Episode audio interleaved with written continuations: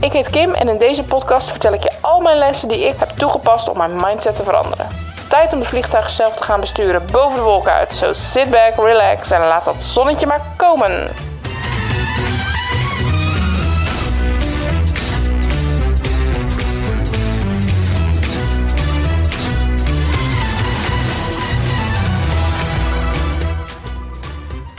Ha, schatte patatjes, tof dat je weer luistert.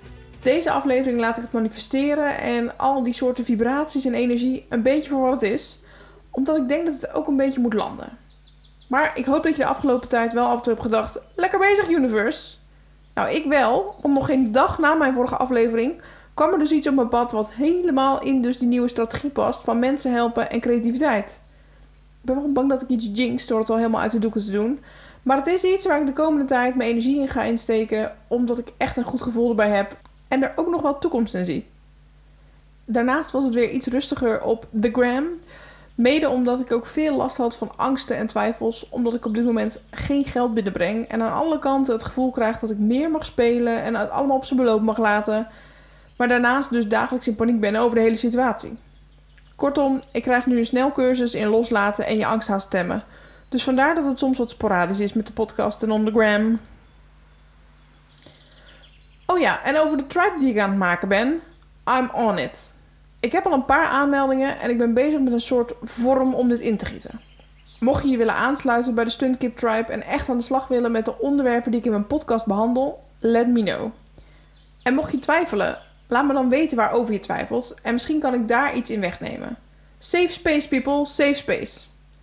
Oh, en over safe space gesproken. Aan het eind van de aflevering heb ik weer een awesome wonder voor jullie op mijn voicemail staan. En als je je geroepen voelt, dan kun je ook jouw wonder inleveren. Ik ben nog altijd op zoek naar modern day miracles om het faith in the universe te vergroten. Dus mocht je een fantastisch wonder hebben, laat me het weten. Je kunt me gewoon een berichtje sturen. Het is anoniem en mensen vinden het fantastisch. De meeste reacties die ik krijg op mijn podcast zijn eigenlijk op de wonders. Tof toch? Ik zie ze graag tegemoet. Goed.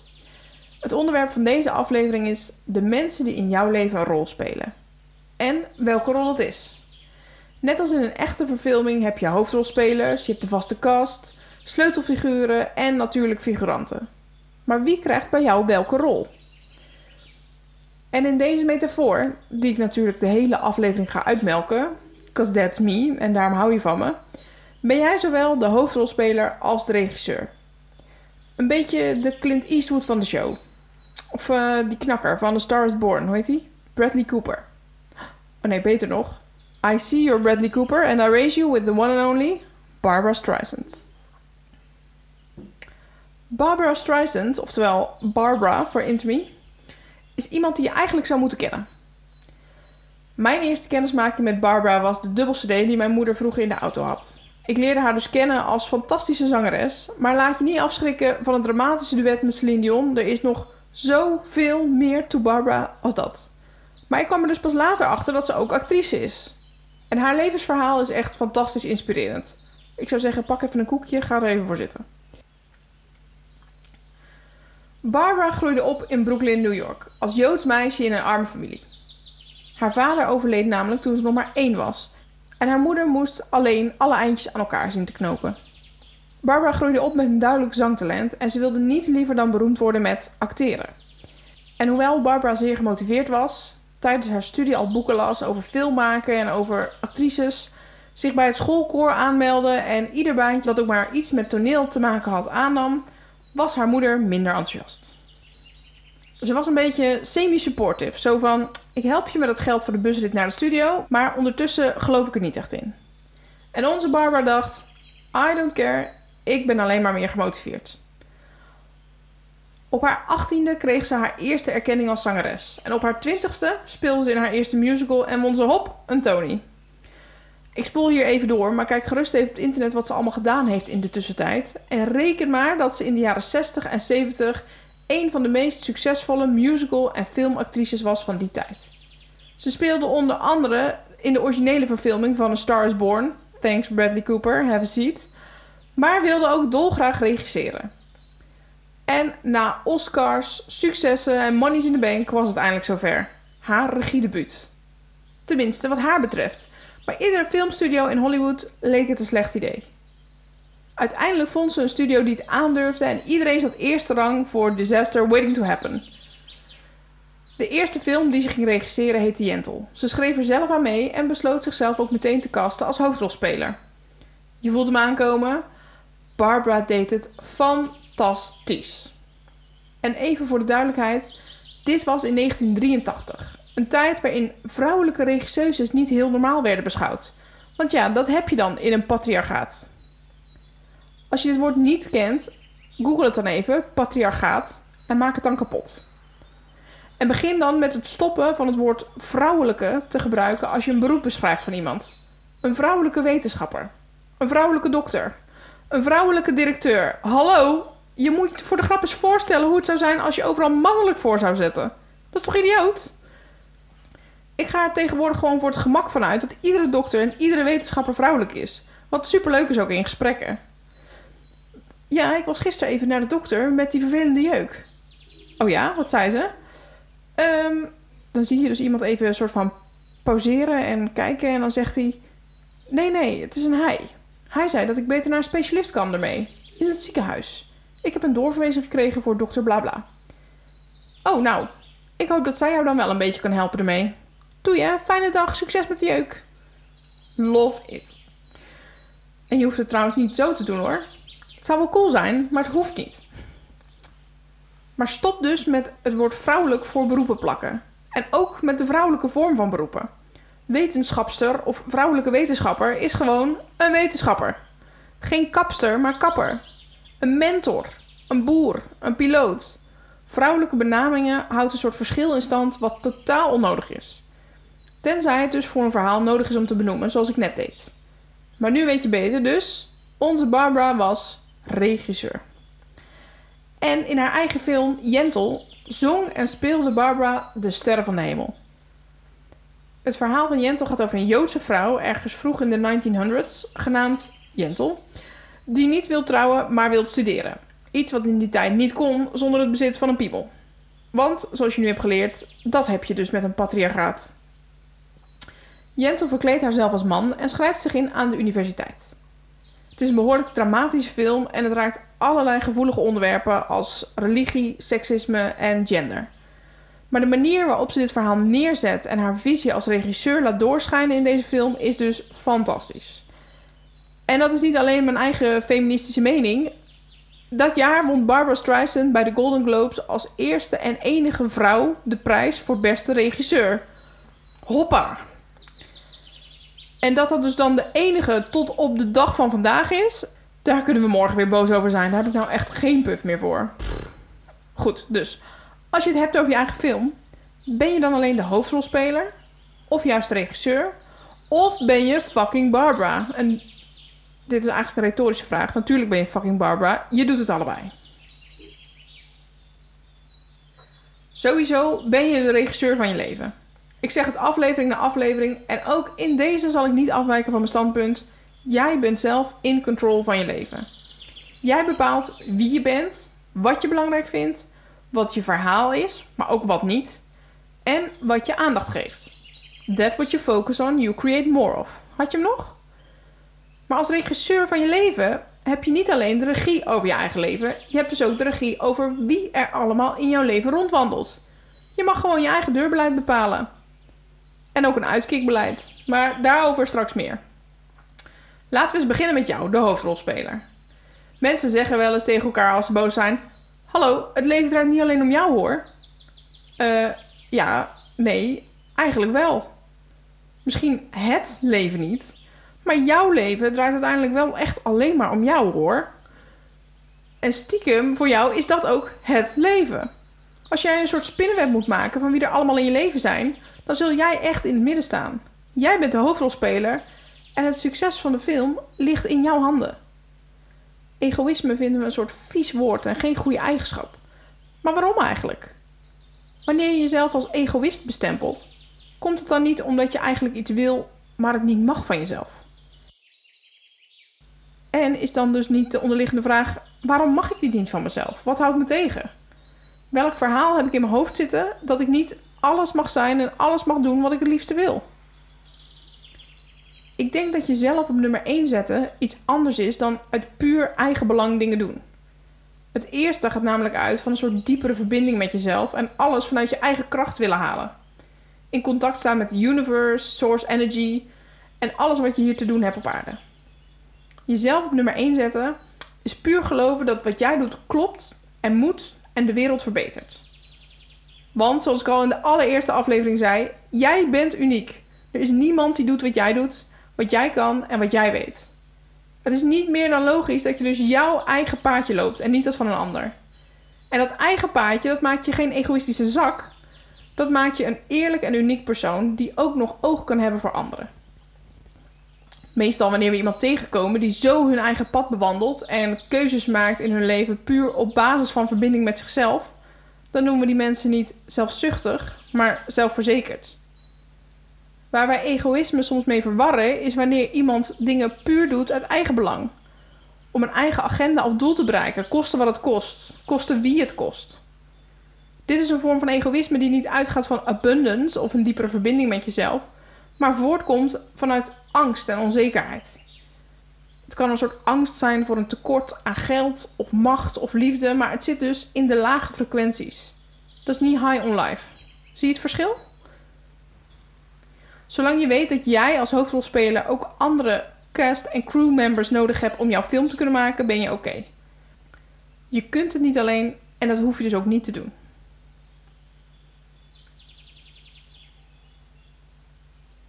Nou, en bij de aanvang van het maken van de film heb je natuurlijk de producers. Je weet vast wel wie ik hiermee bedoel. Die familie, je ouders. De mensen die je niet voor het kiezen hebt, maar waar je wel mee moet dealen. Ze betalen de film, ze zetten de kaders vooraf uit en ze hebben de funding.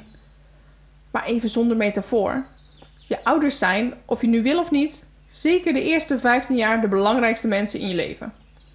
En soms vallen je ouders rond die leeftijd een beetje van hun voetstuk en zie je ze ineens voor wat ze zijn. Doodgewone mensen die, net als alle andere ouders, ook maar wat doen en het ook niet altijd weten. En ik zeg soms, want soms heb je van die fantastische ouders die zich nooit anders hebben voorgedaan en gewoon openlijk toegeven, juist tegen hun kinderen: Ik heb ook geen idee hoe dit moet. Die ouders zijn al zelf van het voetstuk afgestapt en modderen gewoon lekker verder. Want, lieve mensen, met of zonder kinderen, iedereen doet maar een dotje, hè? Ouderschap is een beetje een hoax. Niemand weet wat de fuck ze aan het doen zijn. En ja, er zijn wat basisregels wat betreft eten geven en schoonhouden. En er zijn natuurlijk wat dingen die in de wet staan omschreven die je niet mag doen. En die zijn ook duidelijk. Maar verder, nobody knows. Ook jouw ouders niet. En ook als volwassenen kunnen ouders nog je hele leven bepalen. Hashtag Free Britney. En ja, ergens is het logisch. Want je wordt als kind eigenlijk alleen maar geboren met de wens dat je ouders van je houden en dat ze je genoeg vinden zoals je bent. En als dat dan soms niet helemaal duidelijk is als kind, dan ga je daar harder je best voor doen. Er zijn talloze voorbeelden van mensen die de rest van hun leven nog knokken voor de acceptatie of de liefde van hun ouders. En soms kunnen je ouders ook de motivatie zijn om iets te maken van jezelf. Zo bij als onze Barbara. Maar het is soms wel goed om eens af te vragen waarom je dingen doet. Dat je later ineens denkt: oh wacht, wie wilde dit nou eigenlijk? Ik of mijn ouders? Mijn eigen relatie met mijn ouders is nog een mixed bag of chocolates waar ik nog niet helemaal uit ben. Het is voor mij net als voor iedereen een van de moeilijkste relaties om perspectief op te krijgen. Omdat je je hele leven alleen maar dit perspectief kent. Zelfs een broer of een zus uit hetzelfde gezin heeft een ander perspectief op zijn relatie met zijn ouders. En als je ergens middenin zit, dan is het moeilijk om daar objectief zicht op te krijgen. Wat mij daarbij heeft geholpen is een familieopstelling. Dit is een soort oefening die je samen met een therapeut of coach kan doen, waarbij je diepere lagen probeert te ontwarren die in jullie gezin of familie speelt of speelde. Het is lekker visueel en je gaat dus even echt nadenken over hoe je jouw verhaal ziet in het gezin waar je bent opgegroeid. Het is geen definitief antwoord op hoe de feiten waren in het gezin, maar over jouw perspectief in dat gezin. Niemand gaat je helaas gelijk geven over gevoelens of alsnog die erkenning aan je geven. Maar je gaat wel de deur uit met wat meer inzicht over waarom je bijvoorbeeld die erkenning zoekt. It's fascinating. Familieopstelling dus. Dat kan een tip zijn. Oh, en tot slot over je ouders. Je ouders zijn een gegeven. Je kunt er heel veel gevoelens en energie en boosheid of andere emoties over hebben, maar ze zijn gewoon een gegeven. Zoals iedereen een navel heeft, heeft iedereen twee ouders. Je kunt hoog en laag springen, maar het verandert gewoon niet. Het zijn gewoon twee mensen die een kindje hebben gemaakt, punt. En alles wat je er verder aan hangt, is eigenlijk een keuze. En hopelijk hang je er heel veel liefde aan en haal je er heel veel mooie lessen uit. Maar zo niet, besef dan dat het gewoon een given is. Geef ze niet automatisch de schuld van wat er dan ook mis is gegaan in je jeugd of in je leven. Want jij bent de regisseur, je bent fucking Barbara. Dus jij bepaalt je eigen verhaal. This doesn't define you. Het heeft je misschien gevormd, maar het hoeft niet te betekenen dat je eeuwig in die vorm moet blijven. Jouw verhaal is vloeibaar, niet vast. Jij bepaalt het. Oké, ik laat de producers even achter ons. Want ik wil het ook nog even hebben over iedereen die in je verdere leven op je pad komt. En waarom? Want naast jou als hoofdrol heb je natuurlijk een soort ondersteunende cast nodig. Maar heb je wel eens gemerkt hoe je soms helemaal vibe met iemand en een jaar later dat helemaal niet meer voelt? Ik ga het nu hebben over relaties. Maar wat mij betreft vallen daar zowel romantische relaties als vriendschappen onder.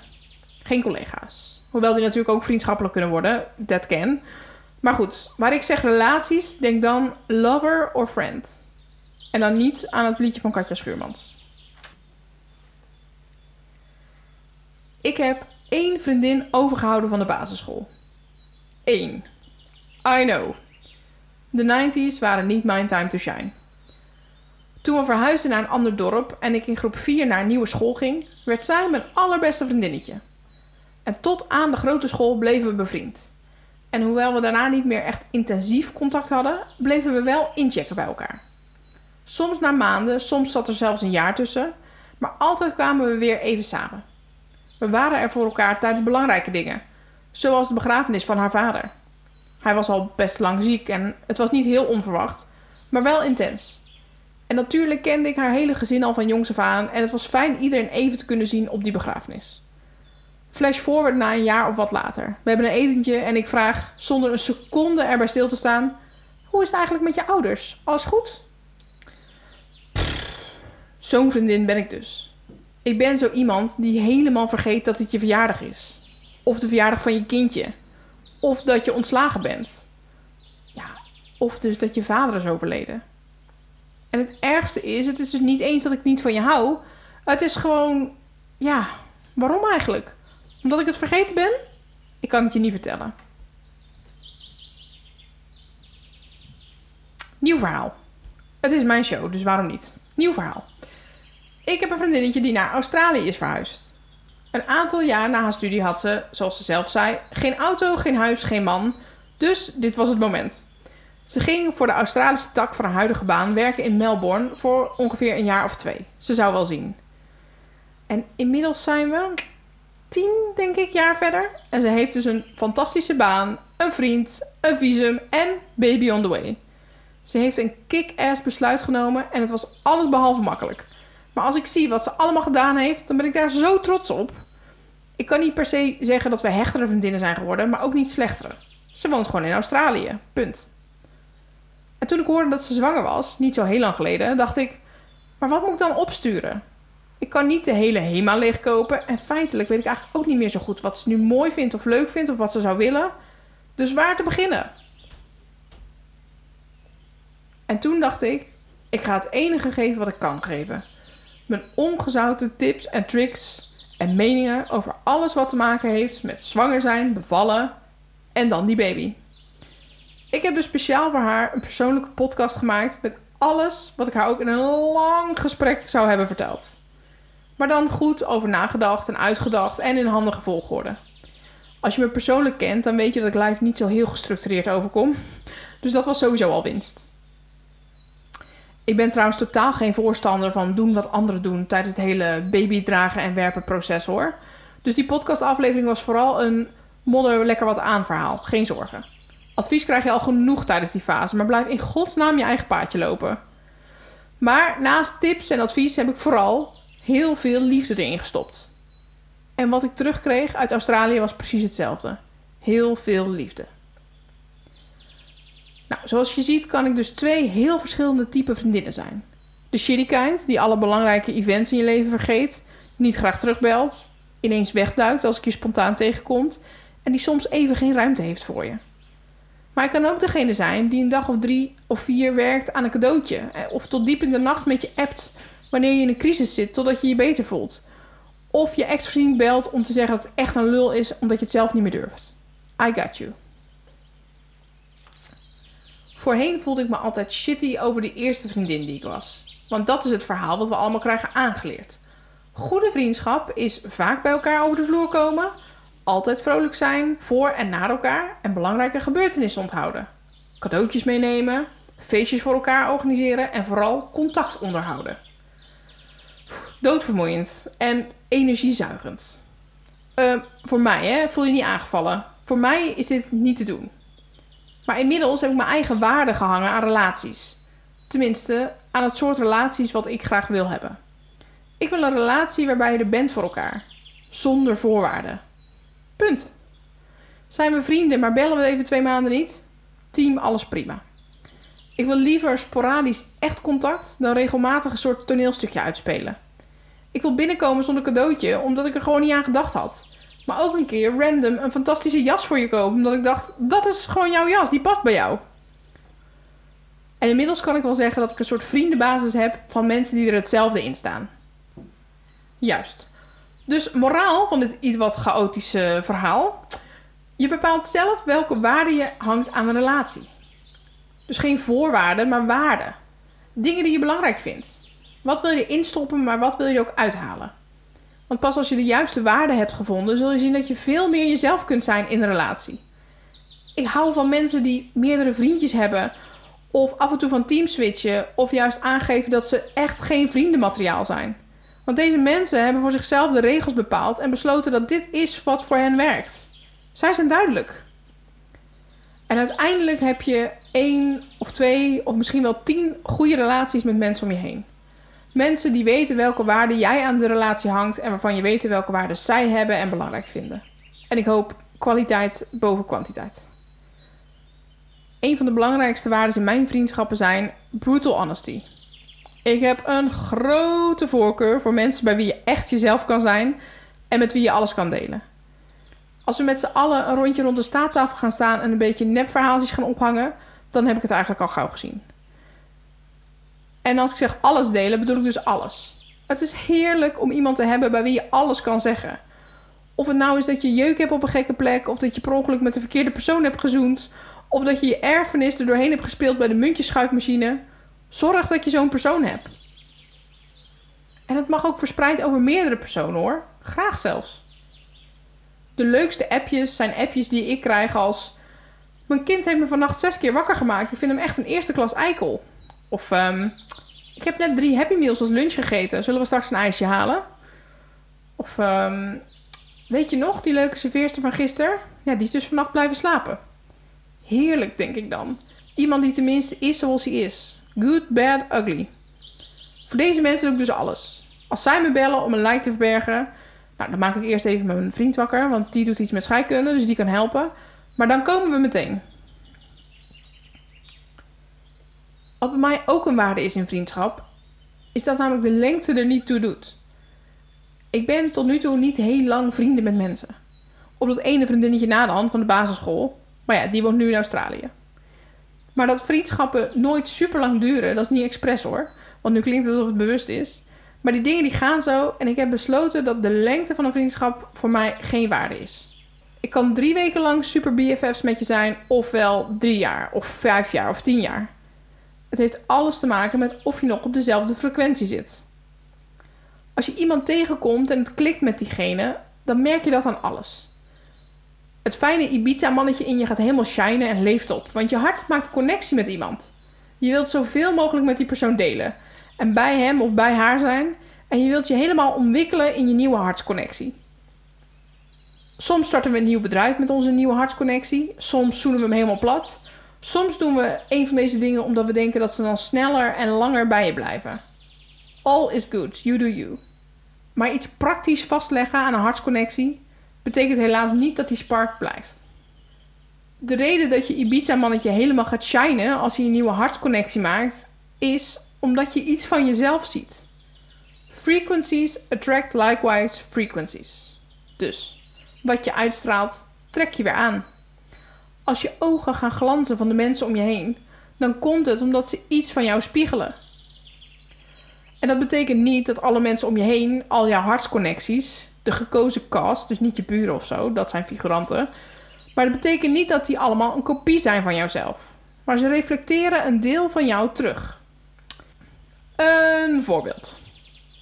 In de tijd dat het uitging met de vader van mijn kindje en ik mezelf langzaam weer een beetje samenraapte, I made a friend. En een close friend, want dit vriendinnetje werd mijn partner in crime voor wat betreft mijn dating life. En ik die van haar. Geen avontuur ging voorbij zonder een uitgebreide analyse. En daarnaast konden we ook goed bij elkaar terecht. The good, the bad, the ugly. Alles. En ik vind het best lastig om dit hele verhaal te vertellen tot in detail. Want ik heb geen idee of ze misschien hier naar luistert. Ik heb eigenlijk geen idee, want inmiddels hebben we geen contact meer.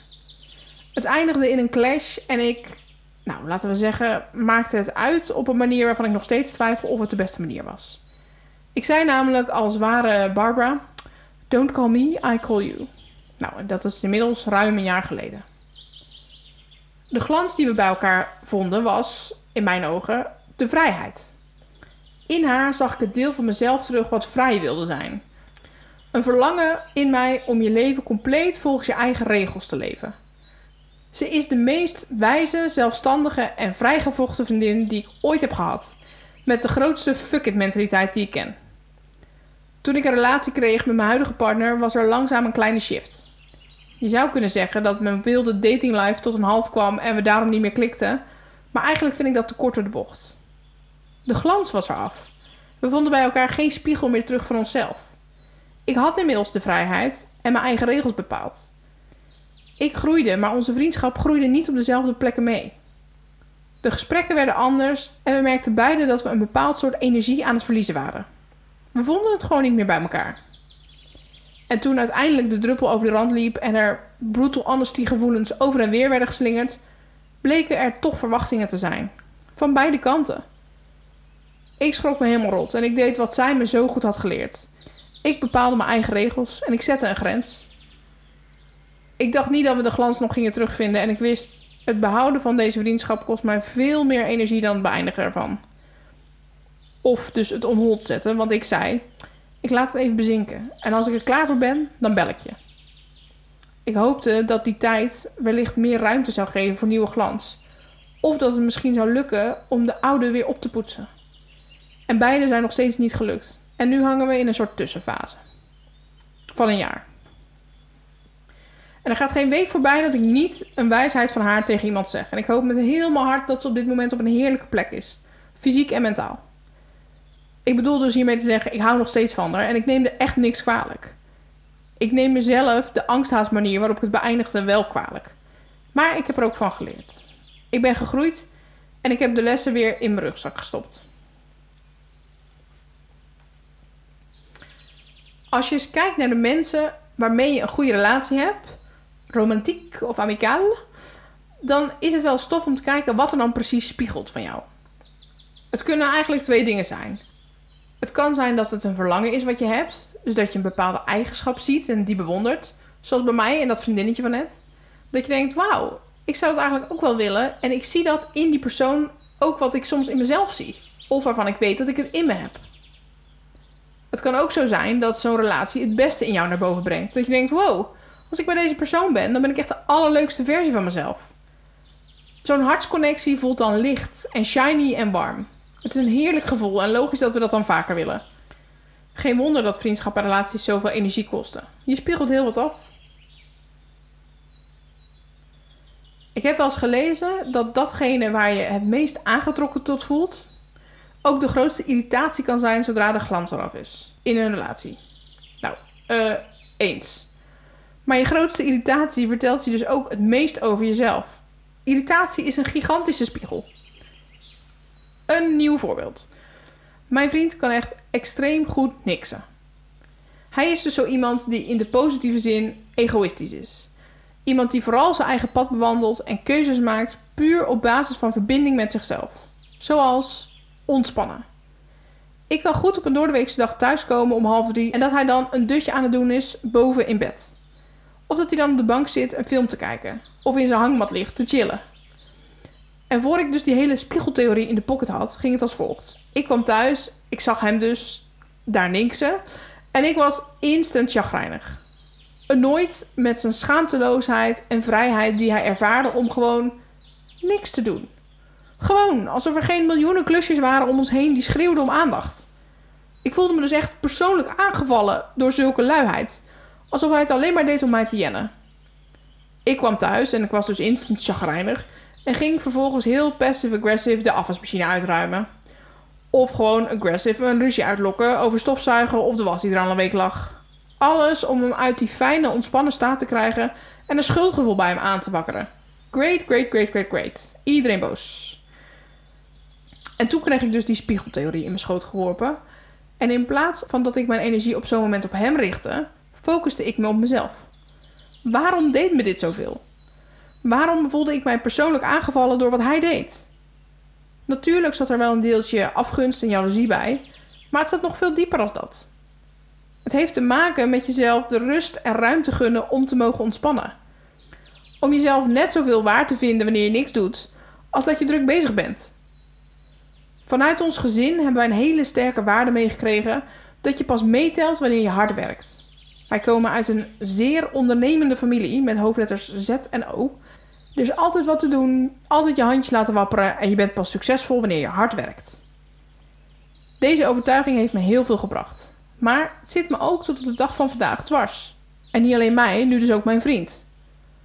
Want ik vind dat ik ontspanning mag verdienen. Maar pas als ik alles heb gegeven en gedaan, dan pas mag ik chillen. En mijn vriend vindt dat hij ontspanning verdient, ongeacht wat er gaande is. Weet je nog dat ik zei dat daar waar je op valt bij iemand ook zijn grootste minpunt kan zijn? Nou, bij mijn vriend is dat dus ontspannen. Het is echt de meest relaxte persoon die ik ken. In alles. Bewonderenswaardig, maar ook dus bloedje irritant. Het is dus een eigenschap waar ik nog dagelijks van leer, zoals je hoort. Want daar waar je aan irriteert, kan dus gewoon een verlangen zijn. Of een valkuil. Als ik hem nu mid dutje tref, dan denk ik, ik zou eigenlijk ook wel een dutje willen doen. Maar waarom kan ik dat dan niet? Eigenlijk denk ik, ik heb nog niet genoeg gedaan vandaag. Ik heb het nog helemaal niet verdiend. En ik leer nu dus dat ik ook dutjes verdien. Omdat ik gewoon besta. Dus het loont ook om eens te kijken waar je mateloos aan stort. Niet alleen in je partner, maar in general. Wat zit daarachter? Zodra je je echt irriteert, moet er eigenlijk ergens een lampje aangaan met: hey, hier zit voor mij een moment om te groeien. Als ik nu thuis kom en hij doet een dutje, dan piep ik in mijn hoofd even over stofzuigers en afwasmachines. En dan? Dan kruip ik er gezellig naast. Eerst even chillen, gewoon omdat het kan. En omdat ik het al lang verdiend heb. Het onderhouden van relaties waarbij de glans er echt af is, kost heel veel energie. En misschien heb je op dit moment wel echt een shitrelatie of shitvrienden. Mensen die je niet zou bellen als je jeuk hebt op een gekke plek. Maar kijk dan eerst eens naar jezelf. Want je hebt gedachten over jezelf, gedachten die je dus uitzendt op een bepaalde frequentie. En dat zijn dus de dingen die je spiegelt. Dus waar je negatief over jezelf denkt, zul je ook mensen aantrekken die die negatieve dingen van jou terugspiegelen. Zodra jij denkt, ik ben not worthy of love en ik ben niet de leukste van allemaal, dan ga je geheid iemand aantrekken die dat in jou bevestigt. En dat is ook de reden dat die mensen dus altijd in dezelfde valkuil stappen. Wat ook kan, is dat je je soort mensen nog niet gevonden hebt. Dat kan gewoon. Ik voelde me heel lang zo. Ik was me heel lang bewust dat ik veel vrienden had, maar geen echt goede vrienden. Mensen met wie ik op een staattafelfeestje goed kon kletsen, maar niet echt kon bellen. Zodra je je uitspreekt wat voor soort mensen je om je heen wilt, zul je zien dat deze zich steeds meer in je leven gaan voegen.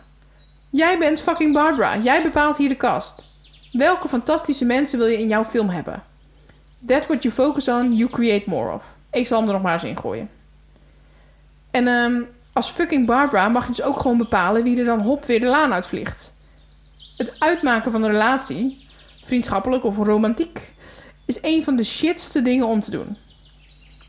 Maar wanneer je aan alles voelt dat de relatie die je hebt met iemand niet meer glanst en energie zuigt, je neerhaalt of jou klein houdt, dan voel je ook echt wel dat het tijd is om aju te zeggen. You deserve better, je bent fucking Barbara. En mocht je het lastig vinden om een vriendschap of een relatie uit te maken, I'm with you. Ik heb massa's voorbeelden van hoe ik dingen heb laten verwateren en laten dooretteren totdat het uiteindelijk doodbloedde. Als je er echt last van hebt, zorg dan voor een duidelijk eind. Maak het geheel over jezelf, zodat die andere persoon jou geen verwijten kan maken. En even voor de duidelijkheid, het ligt ook eigenlijk aan jezelf. Je Ibiza-mannetje glans niet meer. Die ander is gewoon de ander.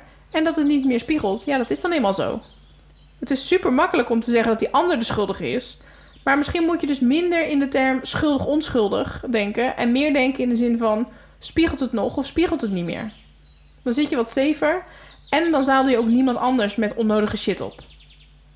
Anderzijds ben ik soms ook wel voorstander hoor, van het langzaam laten verwateren. Het is mij ook wel eens overkomen dat een vriendschap na vijf jaar ineens weer nieuw leven werd ingeblazen. Omdat er ineens weer een nieuwe glans was. Ergens hoop ik dat ook nog wel voor mij en dat ene vriendinnetje. Dat dat verhaal nog niet ten einde is, wie weet. Even denken. Volgens mij hebben we nu de hele filmcast en crew wel besproken. Nou, dan volg ik nog met een kleine laatste boodschap over de film in het algemeen. Jij bent de regisseur. Jij mag hier bepalen hoe het gaat zijn. Je mag bepalen wat voor film het wordt, welk genre het is, wat de hoofdrolspeler wel en niet kan, wat de sfeer wordt, welke plotwisten er zijn en welke happy end er gaat komen.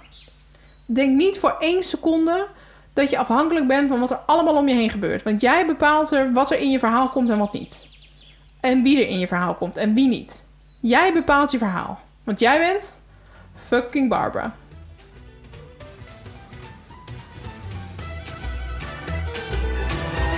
Fijn dat je weer luisterde.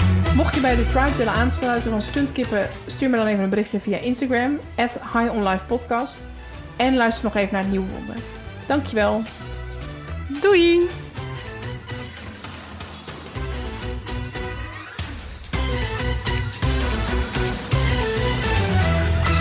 ik denk dat het anderhalf jaar of twee jaar geleden was.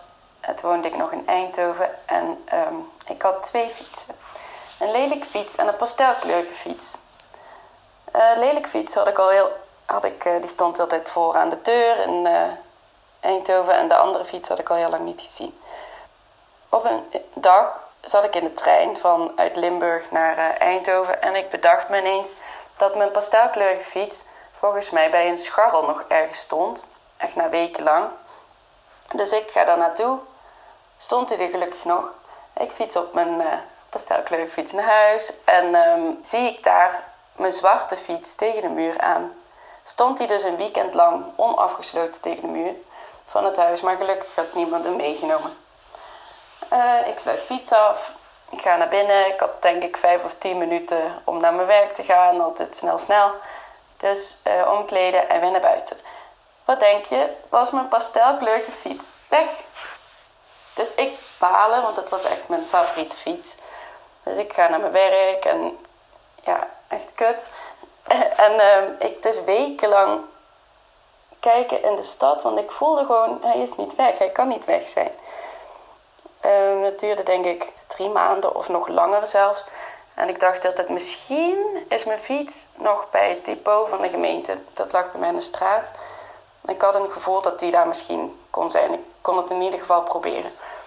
Dus uh, ik weet niet dat het echt meer dan 40 graden was of zo. Dus ik kwam fiets langs de achterkant van het depot en ik zie al die fietsen. En ik dacht, nu moet ik daar naartoe en kijken of hij er staat.